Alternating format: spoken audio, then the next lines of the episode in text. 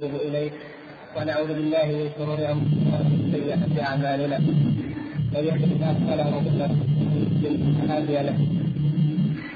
لنا نختم وقد ختمنا ما يتعلق بالأمر بالمعروف والنهي عن المنكر. ونوجد الآن سريعا المذاهب فيه أو الآراء فيه. وذلك في مناسبة أن أحدكم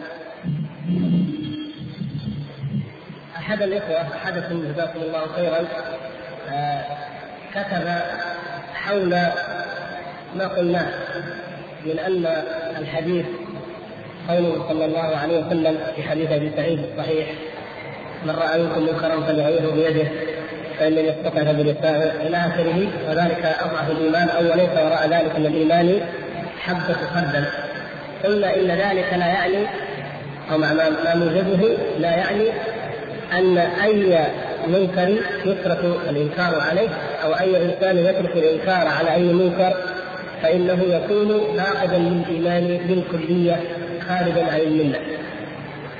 ولم يكن هناك مقام للتفصيل أكثر من ذلك. أقول الآن نوضح لأن كان المقصود هو بيان أن مذهب أهل السنة والجماعة في هذه المسألة يختلف ويباين مذاهب المعتزلة والخوارج وكذلك المرجئة والروافض.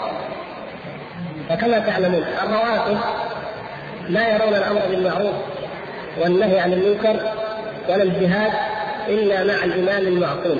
وهذا سيأتينا إن شاء الله تعالى تفصيله ابتداء من هذا اليوم إن يسر الله وفيما بعد أيضا.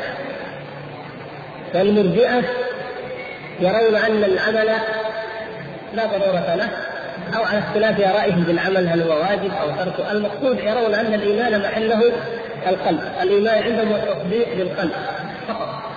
ولذلك فإنهم يتهاونون أو يتساهلون في إنكار المنكر، الأمر بالمعروف والنهي عن المنكر. وهذا ما يشاهد آثاره في عامة الناس.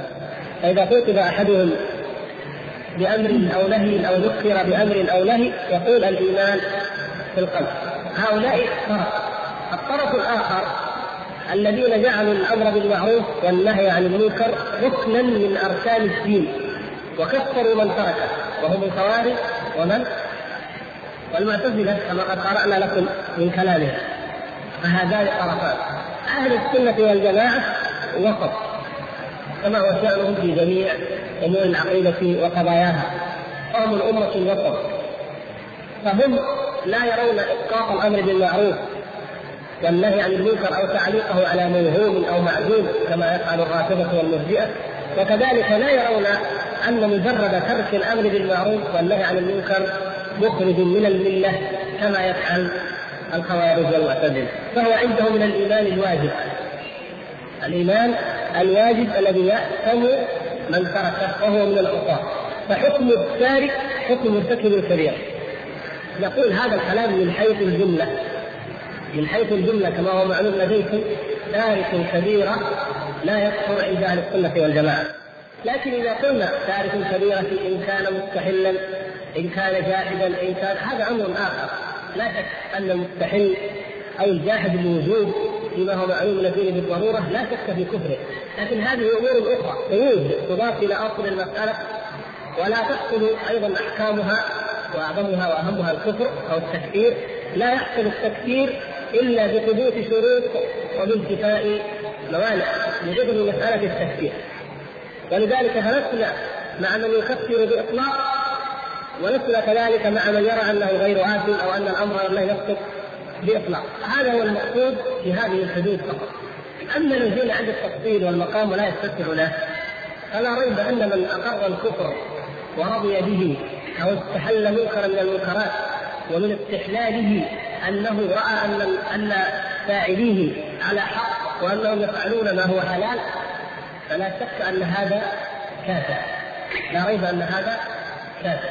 وكذلك في المقابل نقول من تركه تقصيرا أو اهمالا أو جهلا أو ما إلى ذلك فإنه يكون عاصيا بحسب درجته.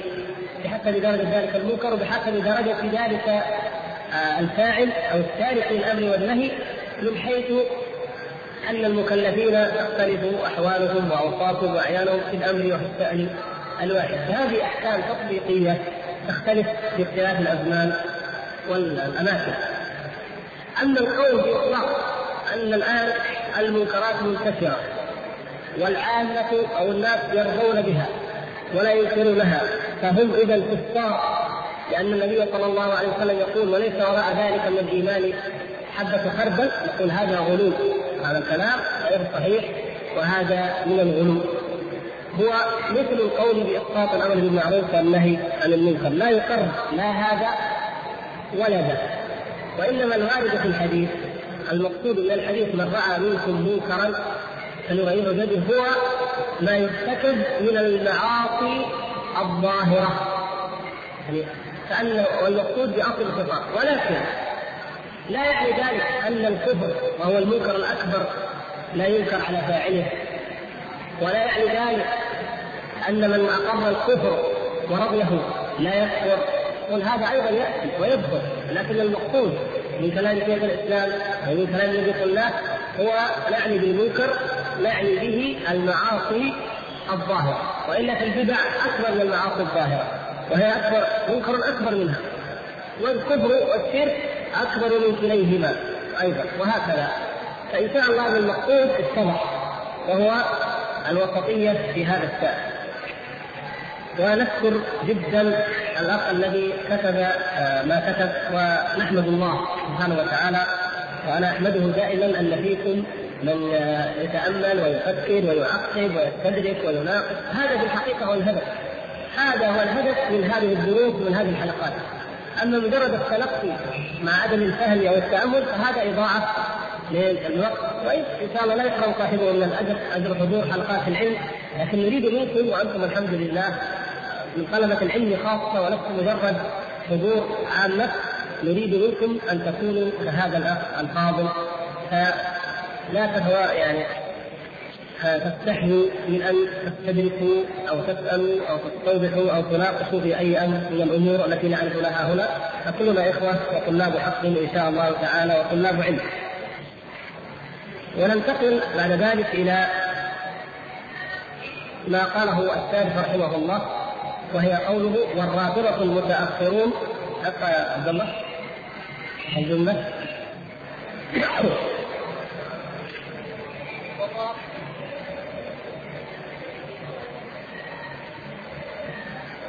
والرافضة المتأخرون جعلوا الأصول أربعة التوحيد. ما يطلع الصوت طيب. هي العبارة والرافضة المتأخرون جعلوا الأصول أربعة التوحيد والعدل والنبوة والإمامة. كذا هذا الرافضة المتأخرون عندنا الفقرة من أصلها فقرة ماذا؟ فقرة أصول الدين، ما هي أصول الدين؟ وما هي أساسياته؟ وتحدثنا عن ما ابتدعه المبتدعون في ذلك، الفلاسفة جعلوا الأصول لها تفسيرا خاصا. المعتزلة جعلوا الأصول الخمسة التي تحدثنا عن آخرها وهو الأمر المعروف النهي عن المنكر. الرافضة جعلوا أصول الدين أربعة لكن الرافضة أي رافضة؟ قال رحمه الله الرافضة المتأخرون إذا هنا وقفة أو وقفتان في الحقيقة. الأولى حول اسم الرافضة ومن هم وما حقيقتهم والوقفة الأخرى عند كلمة المتأخرون. ما مقصوده بها. فأولا يسألكم ما معنى الرافضة؟ أو لماذا سموا رافضة؟ وعلى من يطلقون؟ زيد نعم.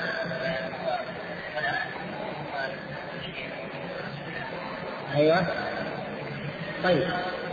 يعني الشيعة اسم يطلق على طوائف وملل وفرق شتى منها الرافضة.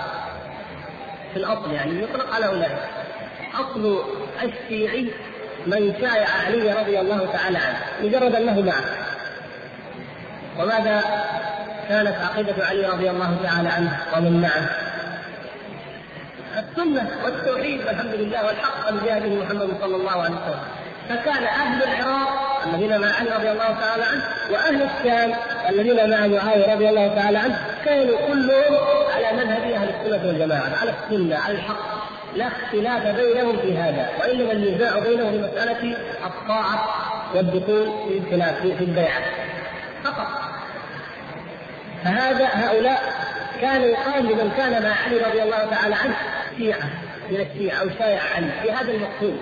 ليس له أي مفهوم عقائد لكن ظهرت الخوارج وظهرت معها الشيعة في عهده رضي الله تعالى عنه وتميزوا بالغلو فيه. فأصبح في القرن الأول إذا قيل شيعي أو فيه تشيع أو من الشيعة يطلق على عدة أوصاف عدة بعدة اعتبارات منها الذي يفضل عليا على عثمان رضي الله تعالى عنه. وهذا نجده في كثير من أهل الرواية. تجدون في كتب الرجال التقريب وما هو اوسع منه كالتهذيب. تجدون فيه كان شيعيا أو فيه تشيع أو كذا. المقصود عند بعض العلماء من هؤلاء علماء أجلاء كان فيهم هذه كان فيهم هذا المغلظ وهو ماذا؟ أنهم يرون أفضلية علي على عثمان رضي الله تعالى عنه. وحتى هذه وهي هينة جدا بالنسبة إلى إلى ما قالته الطوائف الغالية لكنها عظيمة عظيمة عند السلف الصالح رضوان الله تعالى عليهم. ولهذا قال الإمام أحمد رحمه الله ورضي عنه وأرضاه كلمة عظيمة في هذا. قال من فضل عليا على عثمان فقد أزرى بالمهاجرين والأنصار. يعني جعل عقله أقوم من المهاجرين والانصار فازرى بهم وحط من شانهم لأنهم أجمعوا ومنهم علي رضي الله تعالى عنه أجمعوا على بيعة عثمان. أهل الشورى الذين اختاروا الخليفة الراشد العادل عمر رضي الله تعالى عنه اختاروا اختاروا عثمان اختير عثمان بين الستة ومنهم علي وأجمعت الأمة عليه. بعد ذلك لا يحق لأحد أن يتجاوز ما اجمعت الأمة عليه، فاذا فعل فقد ازرى بهم وحق من مقامهم وادعى أنه أعلم بهم بالرجال وأعلم بهم منهم بمصلحة الأمة. أعلم منهم بمصلحة الأمة وبأفضل الأمة. فهذه هذا كان يطلق وظل يطلق على عدة أو عدة إلى القرن الثاني أو الثالث ونحو ذلك يطلق عند طائفة من العلماء وهذا مرادهم. لكن في الحقيقة أن الشيعة الذين ظهروا في زمن علي رضي الله تعالى عنه واستمروا فيما بعد ثم أصبحوا يدعون أنهم الشيعه وغلب عليهم هذا الاسم أنهم ثلاث طوائف. طوائف ثلاث ليس منهم هذا النوع. الطائفة الأولى التي تسمى إيش؟ قلناها لكم أكثر مرة. نعم هي الزوجية فيما بعد لكن ما اسمها أيوه المفضلة يعني نسميها باسم حسب وقتها كما سماها شيخ الإسلام رحمه الله. الطائفة الأولى المفضلة. ما معنى المفضلة؟ يفضلون علي على الذين يفضلون عليا على من؟ لا على الشيخين أيوه على الشيخين على أبي بكر على عثمان كل هؤلاء لكن هؤلاء الذين هم يفضلون على من؟ على أبي بكر وعمر هذا شيء ما خطر على بال أولئك العلماء أو الرواه الذين كان فيهم هذا التشيع الذين تفضيل علي على من؟ على عثمان أولئك أهل بدعة تماما بدعة واضحة وهم الذين فضلوا عليا على من؟ على الشيخين على أبي بكر وعمر رضي الله تعالى عنهما والطائفة الثانية هم المسمون ماذا؟ أيوه لا لا مو السبائية. لا. أيوه السبابة ثلاث مرة اكتبوها طيب هذه أنا قلناها لكم مرات. المفضلة ثانيا إيش؟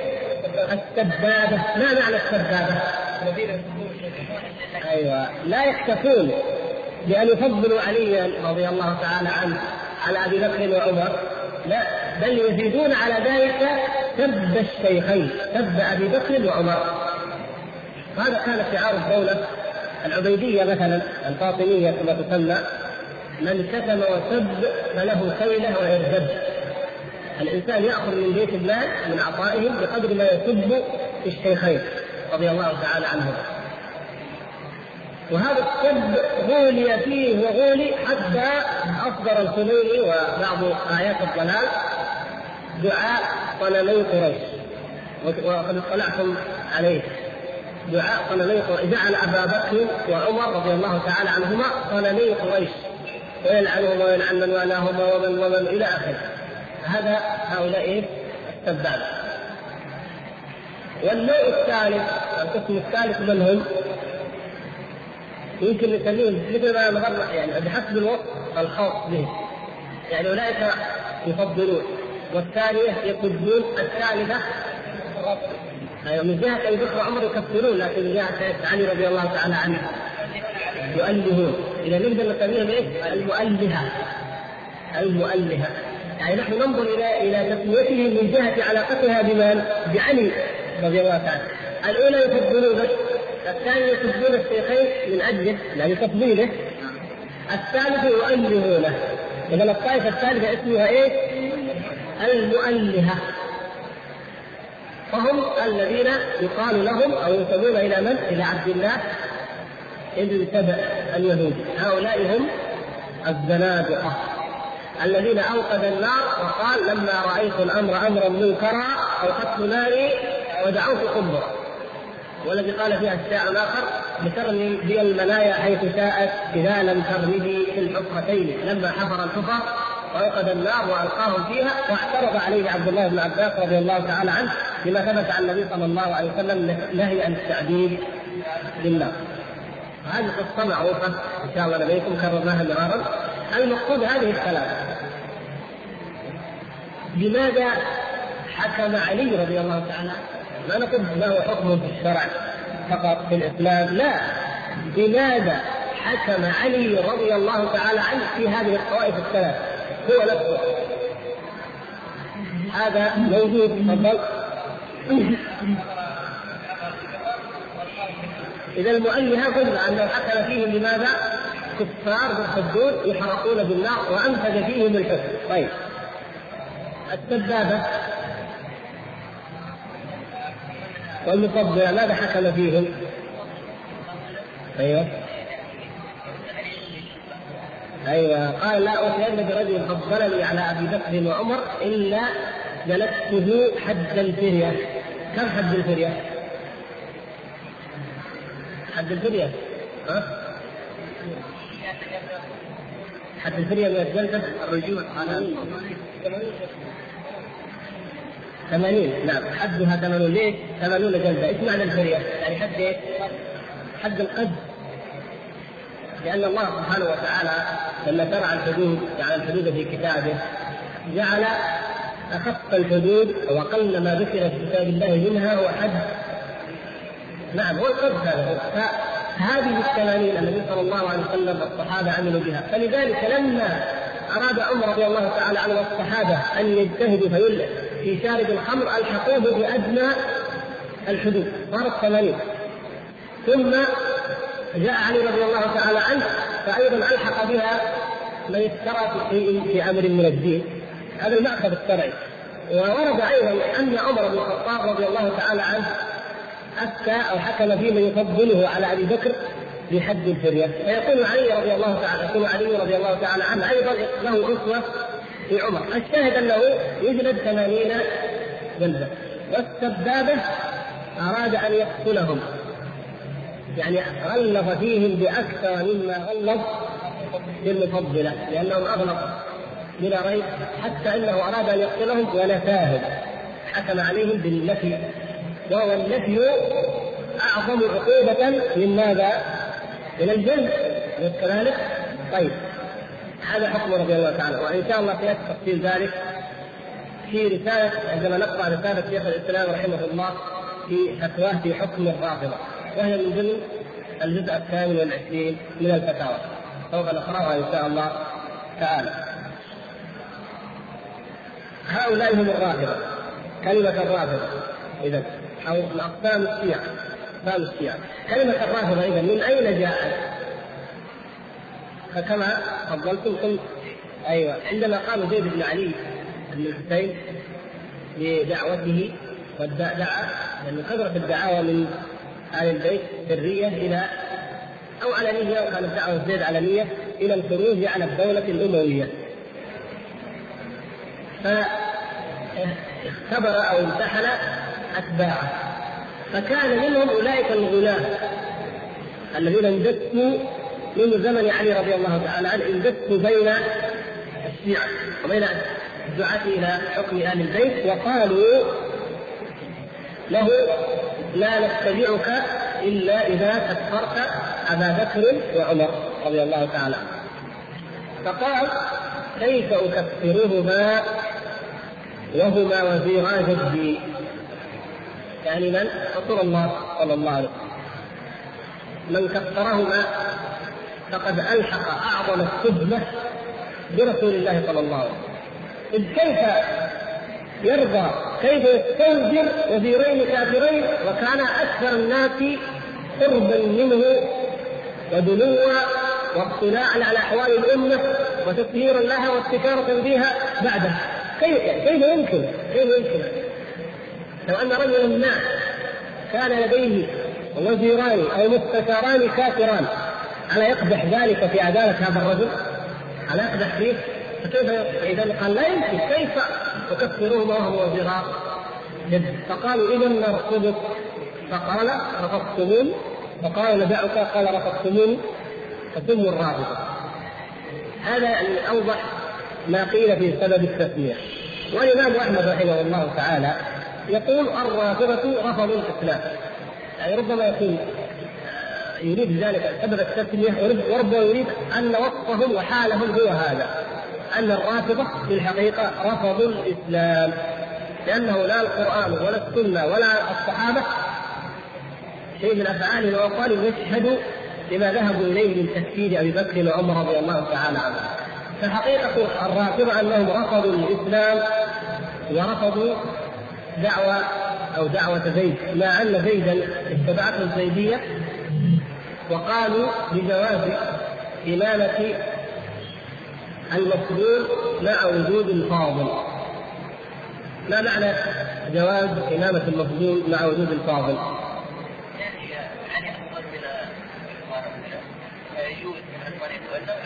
نعم يعني الإشكال حصل أنه كيف يكون أبو بكر عمر فضلا عن عثمان كفارا منافقين مرتدين وعلي رضي الله تعالى عنهم عنه عن الجميع. علي وزيرا يكون وزيرا لهم. هنا الإشكال أيضا. كيف؟ وهو الشجاع وهو الذي لا تأخذه بالحق يوم تلائم. كيف يرضى أن يكون وزيرا ومستشارا لكافرين؟ ونبي قريش وكذا. كيف؟ بل إنه يبلغ به الحال إلى أن يزوج عمر ابنته. كيف يفعل هذا انسان مسلم؟ فالرافضة يقولون هذا تقية منه تقية وما الداعي لها وأين وأين الصدع؟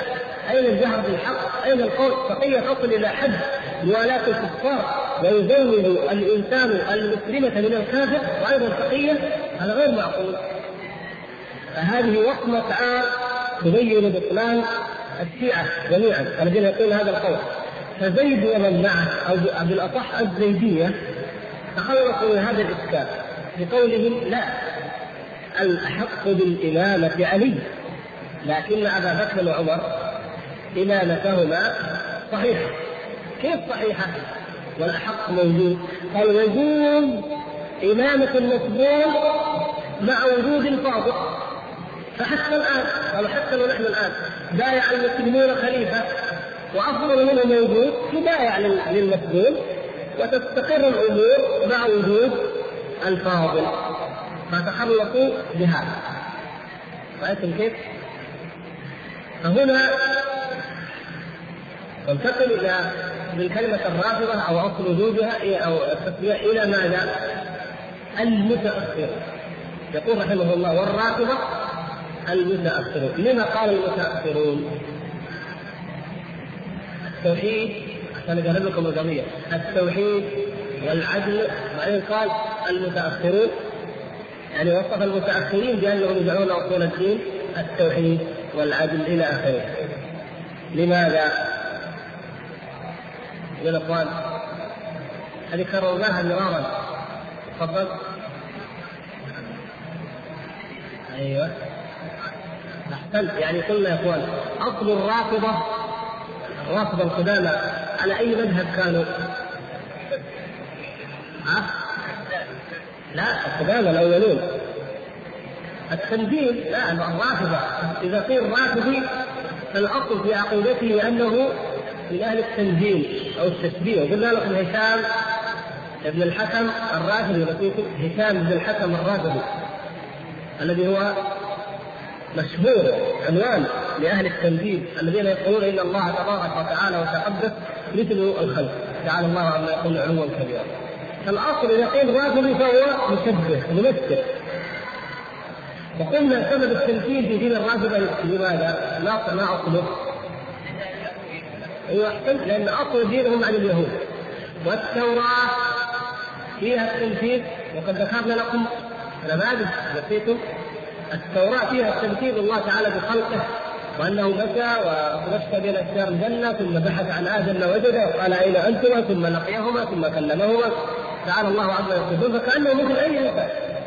الرافضة عبد الله بن سبع نقل ما في التوراة وخيط الرافضة. وجاء هشام بن الحكم وأمثاله فكانوا على هذا المذهب الخبيث. فهمتم يا إخوان؟ متى تحولت الرافضة؟ إلى العدل والتوحيد أي إلى المعتزلة والاعتزال. متى؟ في القرن تقريبا بعد الثالث يعني في الرابع يعني القرن الثالث كانت الفتنة فتنة القول بخلق القرآن. في آخر الثاني أول الثالث ثم نصر الله تبارك وتعالى السنة وأهلها وأظهر الإمام أحمد رحمه الله أظهره على أعدائه. فعمت السنة العالم. فانحاز أعداء السنة وتقوقعوا وتجمعوا وحصل بينهم التلاقح والتلاقي الفكري. فانضم الرافضي إلى المتكلم إلى المعتزلي والضراريه والنجارية والبكرية وكذا. طوائف ممن كانت لها قولة ودولة في أيام المأمون وناظرت الإمام أحمد رضي الله تعالى عنه تجمع هذا الكلام يا أخوان أرجو أن لا تنسوه على ما نكرره لأن من الصعب أن تجدوه بهذا بهذا الاجمال وبهذا الاختصار في أي كتب كتاب من كتب الفرق وإنما هو ملتقط من بعض الكتب واشار إليه شيخ الإسلام رحمه الله في عدة مواضع فنحن ضروري جدا لنا أن نعرف هذه الفرق كيف نشأت، كيف اتصلت، كيف كيف تختلف، كيف تلتقي. لذلك الزيدية الموجودة اليوم في اليمن ما تزال كما كانت في أيام زيد لا تقية ولكنها لا تفضل أبا بكر وعمر على علي بل زيادة على ذلك دخلها شيء من الغلو الذي في جانب الشيخ. لكن من ناحية العقيدة تجد أنهم معتزلة معتزلة. من أين جاء الاعتزال؟ إذا زيد كان من أهل السنة والجماعة. ما كان عنده اعتزال. هنا السؤال؟ وكذلك الإمامية أو الجعفرية الاثنى عشرية في إيران ولبنان وغيرها. فهناك ما يجمع ما يجمع الزيديه والإمامية وهو ماذا؟ عقيدة الاعتزال.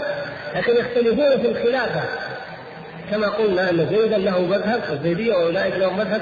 وفي التقية فالزيديه لا تقول بالتقية. وإنما تعلن ما عنده وتقاتل عليه على اما اولئك فهم هذا المذهب وهكذا أيام نعرف هذه الفروق لا نستطيع أن نعرف حقيقة هذه الفرق.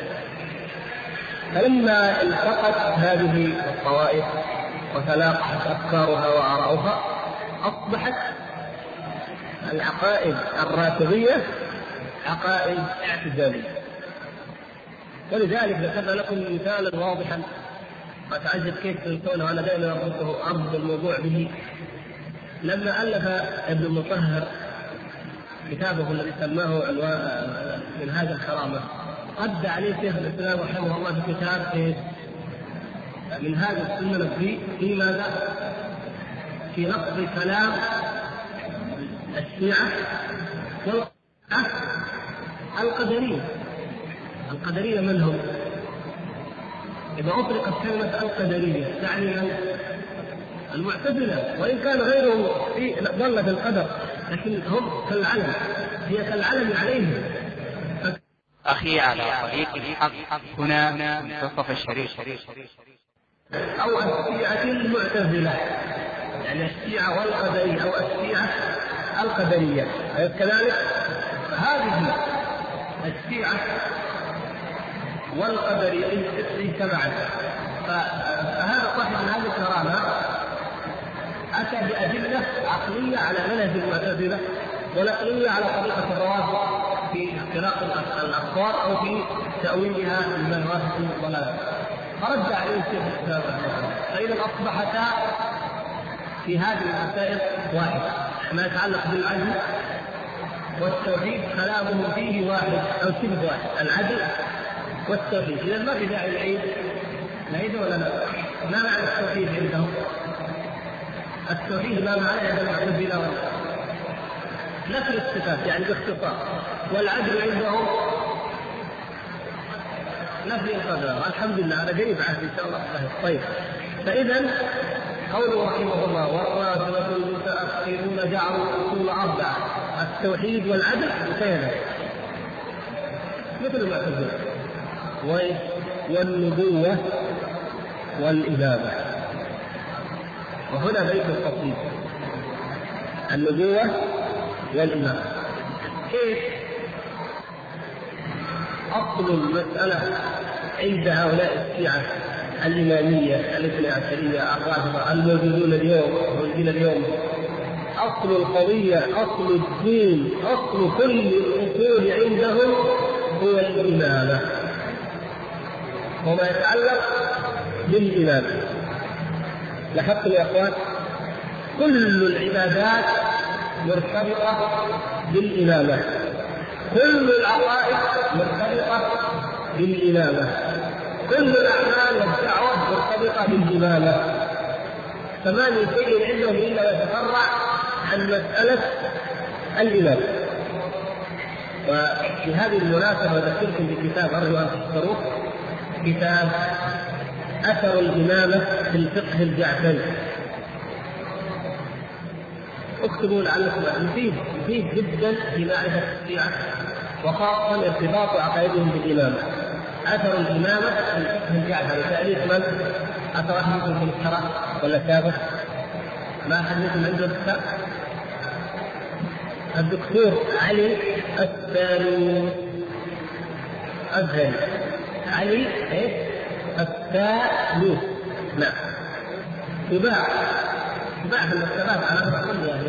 وعلى كل حال كان لا يباع. يمكن آتي به الدرس الجاي إن شاء الله أو غيره ونقرأ لكم بعض النصوص هذا رجع جمع. جمع كلامه في هذه المسألة. وعندما أردت أن آتيكم كالعادة بمصدر عن أي شيء نقوله. لأنه الحمد لله لا لا نحتوي على أي فرقة ولا نخاف من أي فرقة لكن المصادر أرسلنا من كلام ونقرأ وننقل. ما عندنا الحمد لله خوف من هذا. فأردت أن آتيكم بالكافي أو كتاب آخر عندي أو بعض كتب فقلت أراد الله سبحانه وتعالى وقعت على كتاب في هذا الموضوع وهو من تأليف الخميني نفسه قلت اذا لا أقدم عليه كتابا غيره لماذا؟ لأنك لو قلت قال الخميني وقال النبختي وقال فلان من الأئمة قيل لك هذه عقائد الماضين. يعني هذا من الأسباب. هذه عقائد الشيعة الأولين أما الشيعة الآن معتدلون ومتفاهمون ومتقاربون. وإن جئت بكتاب من كلام المعاصرين فقط أيضا قالوا يمكن هذا لا يمثل حقيقة الشيعة. أو فهم من كلام فقط أو نقل منه فقط أو كذا. لكن وجدنا كتاب الخميني هو حجة المعاصرين منهم وهو ينقل من الأولين بنفسه ويقر ذلك النقل ويشرحه فإذا عندما نتكلم عن أو ننقل أو ننقله لا نكون تجلينا ولا ظلمنا ولا يحق لأحد منهم أن يدعي ذلك علينا. ونحن لا نقل لا على السنة جميعا لكن أيضا زيادة في قطع ألسنتهم وإقامة الحجة عليه هذا كتاب امامنا والمسألة عندنا لا تتعلق بهذا الرجل لذاته لكونه ثائرا بكونه دائما. هذه لا. نحن نربع بمقام العلم أن يتحدث أو يقول في هذه الأمور. وإنما نحن نقيم الحجة العلمية. ونرد الكلام والشبهه العلميه بالبرهان العلمي، المساله مساله بحث علمي، الرجل حيا أو ميتا زعيما أو غير زعيم بالمقياس العلمي ويخضع للمقاييس العلمية التي ينظر بها إلى أي إنسان كائنا من كان وكل يؤخذ من قوله ويرد في منهجنا السنة إلا رسول الله صلى الله عليه وسلم. فلذلك من المعايير العلمية المجردة نقرأ ونأخذ كلامه وبعد ذلك سنجد آثار هذا هذا الضلال. بل الكفر نجد اثاره في حياة هذا الرجل وفي دعوته وفي ثورته وفيما يتعلق به اسباب تلك نتائج ولا يهمنا التفصيل فيها. نحن يهمنا ما قاله في حق الله وفي حق رسوله صلى الله عليه وسلم وفي حق هذا الكتاب عنوانه مصباح الهداية إلى الخلافة والولاية. مصباح الهداية إلى الخلافة والولاية هذا هو الكتاب تأليف سماحة آية الله العظمى الإمام الخميني دامت بركاته. قدم له السيد أحمد الخيري طبع مؤسسة الوفاء بيروت لبنان. كافة الحقوق محفوظة ومسجلة. الطبعة الأولى 1403 هجرية 1983 ميلادية يعني بعد الثورة وبعد أن أصبح زعيم الرافضة في العالم فماذا قال؟ تحملونا قليلا لأن لابد أن نقرأ ولا بد أن يعني لابد أن نقرأ كلاما آه، صعبا وعسير الفهم لكن هذا لابد منا لأنه بد. حتى نعرف من اي خلق قال شيء واحد فقط ارجو أن يكون في اذهانكم وهو أن تتذكروا ما قلنا عن الفلاسفة. ذكرتموه الفلاسفة. ماذا قالوا في النبوة وفي النبي؟ في العقل الفعال وفي النفس الكلية وفي الفيض وفي كلام الذي هو عهد عنده يمكن نقرأه؟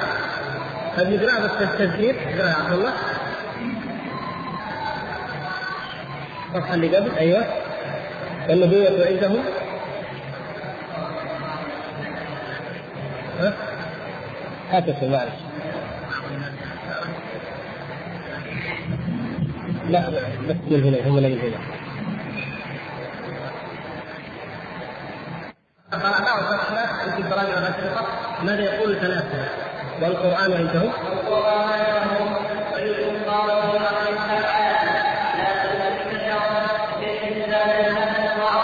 الصفحة معلش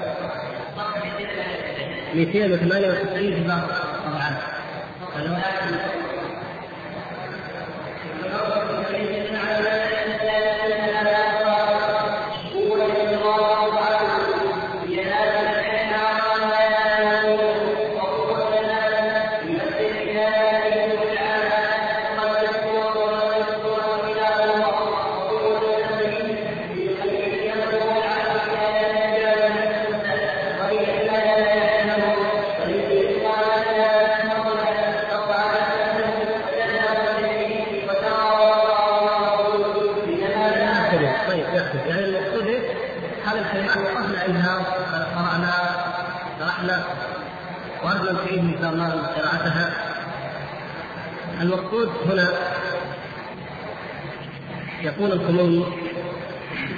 امام التقديمات فيها صعوبه طويله يعني ياتي يأتي إلى إلى صلب الموضوع وهو ضروره الخليفة وأنه لا بد منه لنعرف الاصرار ومنزله الامامه عندهم يقول. يعني الكلام السابق كله مبني على كلام الفلاسفة والحلولية وأصحاب وحده الوجود والعياذ بالله. ثم يقول مصباح وإذا انكشف على كل أن هذه الحقيقة الغيبية أجل من أن ينال بحضرتها ايدي الخالدين ويستفيض من جلال قدسها أحد من المستفيضين ولم يكن واحد من الأسماء والصفات بما لهما من التعينات محرم سرها ولم يؤذن لأحد من المذكورات دخول خبرها فلا بد لظهور الأسماء وغموضها وكشف أسرار قلوبها من خليفة إلهية غيبية. يعني ما من كلام ما دام إنه قد اتضح لدينا إن الحقيقة الذات الالهيه لا يمكن أن ينال أحد ولا يطلع عليها أحد ولا يكتشف صفاتها أحد إلى آخره حقيقة الذات الإلهية. فلما كان كذلك لا بد لظهور الأسماء اسماء الله تعالى وبروزها وكشف أسرارها وفروجها من خليفه إلهية. خليفه إلهية غيبية يستخلف عنها أو يستخلف عنها في الظهور في الأسماء وينعكس نورها في تلك المراحل حتى تنفتح أبواب البركات وتنشق عيون الخيرات وينخلق الصبح الأزل ويتصل الآخر بالأول. اذا لابد من وقت بين هذه الحقيقة الغيبيه الذات الالهيه في الغرب وبين يعني الموجودات والكائنات وهذه الحقيقة هذا الذي يصفها أنها بروز وظهور وتجلي للاسماء والصفات للاسماء الالهيه التي ذكر منها الرحمن والرحيم واسم الله إلى آخره يعني بعضها يأتي إن شاء الله يقول حتى إيش؟ حتى يعني يكون الاتصال بالعالم يتصل الآخر بالأول فصدر الأمر باللسان الغيبي من مصدر الغيب على الحجاب الأكبر والفيض الاقدس الأنور بالظهور في ملابس الأسماء والصفات. ما هذه العباره؟ صدر الأمر باللسان الغيبي من مصدر الغيب على الحجاب الأكبر. والفيض الاقدس الأنور بالظهور في ملابس الأسماء والصفات. ولبس كتوة التعينات. التعينات يعني وجود الاعيان هذا هذا هذا ارض هذا تعين يعني وجود الشيء المعين. فأطاع أمره وأنفذ رأيه. فاطاع امره الذي كان حجابا حجاب في وجود اصبح تعينات خارجية وهي تعينات لمن؟ لماذا؟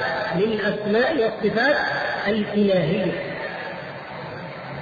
يقول هذه الخليفة الإلهية والحقيقة القدسية التي هي أصل الظهور لا بد وأن يكون لها وجه غيبي إلى الهوية الغيبية ولا تظهر بذلك الوجه أبدا يعني لها وجهان وجه غيبي يتعلق الإلهية ولا يظهر بهذا الوجه أبدا في الواقع.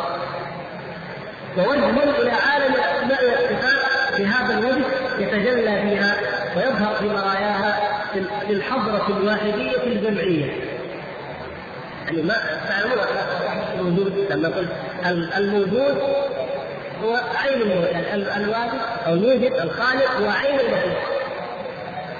لما قال ابن عربي هذا المجرم وكلام الحميدي هنا مثل كلام يسوس لما قال الرحمن على العرش استوى قال كيف استوى وما ثم إلا هو. يعني هو تعالى الله هو العرش وهو المستوي العبد ربه والرب عبده تعالى الله عما يصفون. هذا الكفر الذي اتفق على كفر أصحابه كل أصحاب الملل من اليهود والنصارى اصحاب جميع الأديان.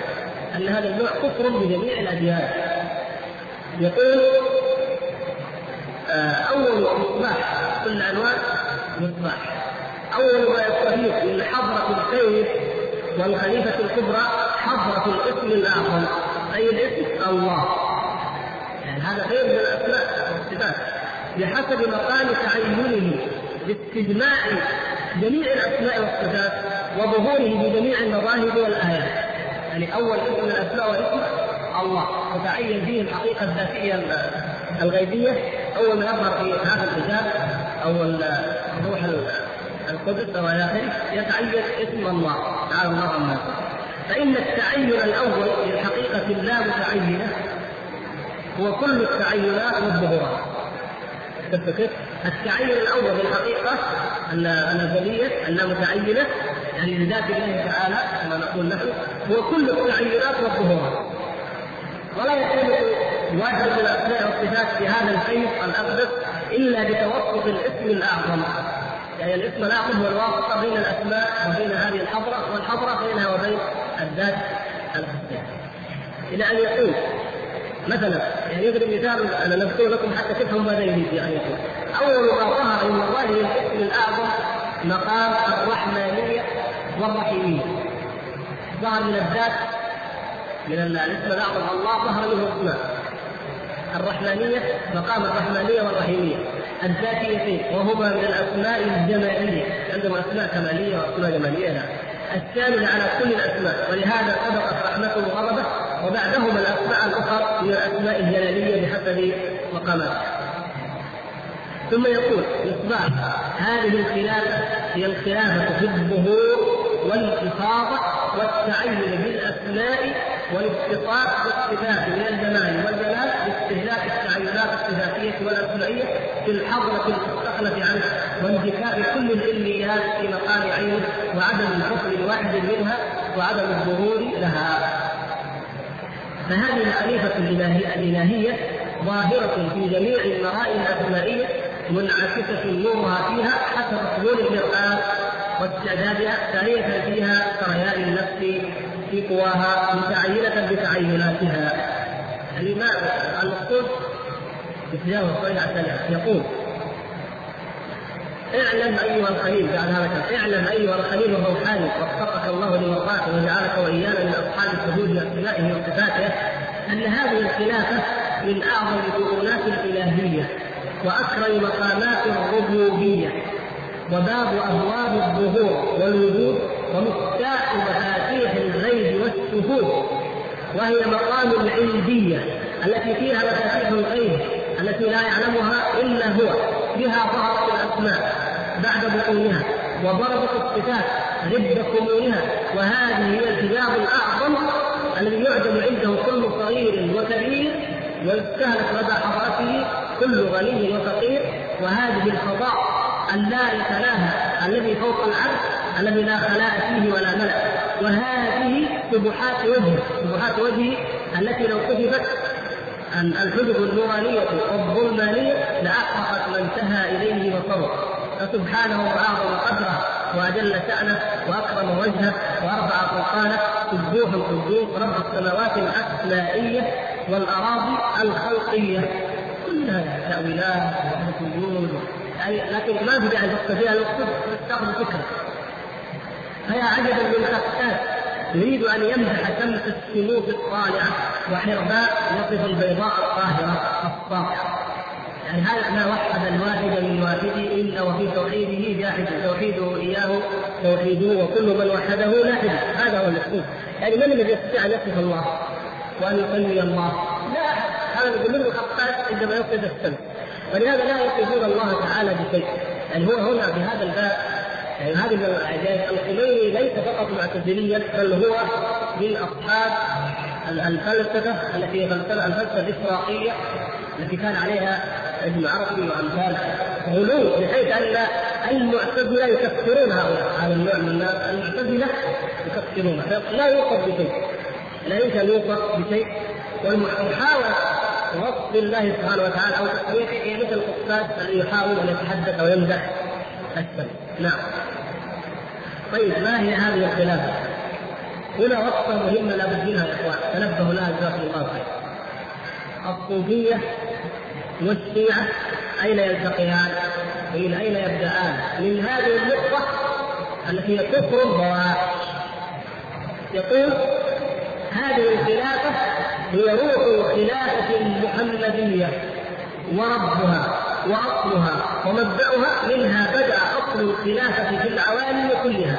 بل كل الأصل الخلافة والخليفة والمستخلف إليه وهذه ظهرت تمام الظهور في حضرة اسم الله الأعظم رب الحقيقة المطلقة المحمدية أصل الحقائق الكلية الإلهية فهي أصل الخلافة. والخلافة ظهورها بل هي الظاهرة في هذه الحضرة باتحاد الظاهر والمظهر كما أشار إليه في الوحي الإلهي إشارة لطيفة بقوله تعالى إنا أنزلناه في ليلة القدر. اسمعوا. وقال شيخنا هذا يقول الحميدي عن شيوخه حتى لا يقول هذا المتقدمين غير المتأخرين. وقال شيخنا وأستاذنا في المعارف الإلهية الكامل المرزا محمد علي الشاه ابادي الأصفهاني أدام الله بركاته. في أول مجلس تشرفت بحضوره وسألته عن كيفية الوحي الإلهي. وكيف؟ عن الخليلي أن أول ما جلس عند هذا الشيطان الأصفهاني هذا سالوا عن كيفية الوحي الإلهي. يعني هذا عقيدتهم في القرآن وفي الوحي وفي الله غير بس يقول كيف الوحي؟ فقال في ضمن بياناته أن هاء الهاء في قوله انا انزلناه هذه الهاء في قوله تبارك وتعالى انا انزلناه في ليلة القدر إشارة إلى الحقيقة الغيبية النازله في بنية المحمدية التي هي حقيقة ليلة القدر.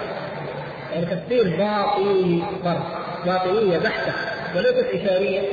التفسير الاشاري تفسير الصوفيه أعلى درجة يعني أو اوصى بدرجات الكفر التفسير الباطن فيجعل هذا بالنسبة للامور الباطنيه يقول الصوفية والشيعة عندهم الحقيقة المحمديه أصل جميع الموجودات أصل جميع الموجودات مولد ابن الديدع اللي كلما جاء ربيع الأول وفي غير الشهور يجتمعوا الموائد والولائم ويقرؤونه. ابن الديدع انت رايتموه هذا الصغير.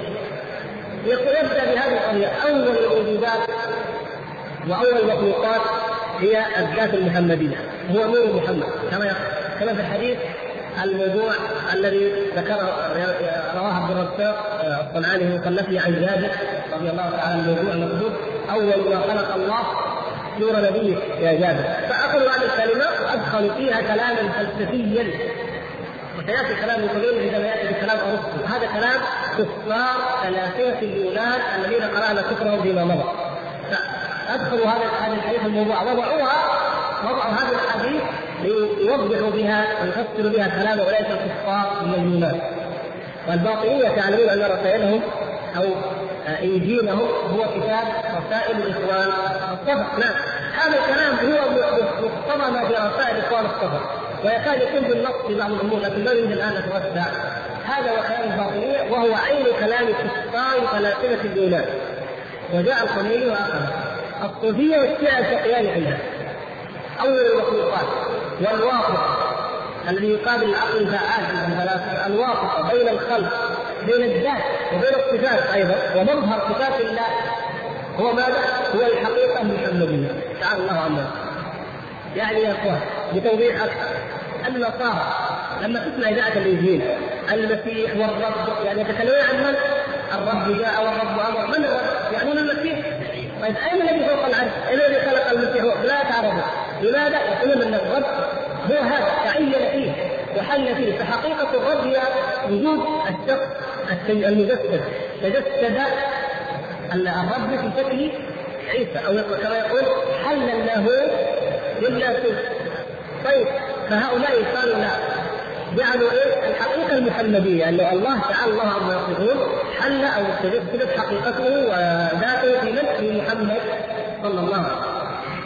ومن هنا الحقيقة المحمدية عندهم هي أصل الكائنات. وأول الموجودات وهي الخليفة المستخلفة وهي مظهر وتجلي أسماء الله وصفاته تعالى الله عما يصفون ثم بعد ذلك يتفرع عنها الخليفة اللي هو خليفة رسول الله صلى الله عليه وسلم وهو الذي عندهم إيش؟ هو الوصي وهو علي ثم من بعده من الاوصياء وبس يا أخوان يعني بكذا نستطيع أن نفهم لماذا يقولون ان الائمه يعلمون الغيب؟ لماذا؟ لماذا يقولون ان الائمه يعلمون ما كان وما وهم الذين يدبرون الكون هم الذين لماذا؟ لأن أصل القضية تبدأ من هنا. انتبهوا وفقكم الله أن هذه البدايات مهمة وامور إذا عرفناها وما أقل من يعرفها نادر جدا من يعرف هذه الحقائق لكن أقول يجب أن أن نعرفها لنعرف أي عقيدة يدين بها هؤلاء الذين يخدع بهم البعض ويقولون الفرق بيننا وبينهم يفضلون هم يحبون علي ونحن نحب أبو بكر.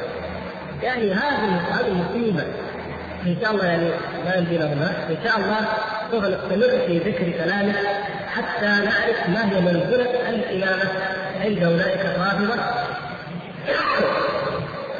واذكروا الكتاب هذا وان شاء الله أيضا يعني نحاول نظهر منه ما يدل على ما قلنا.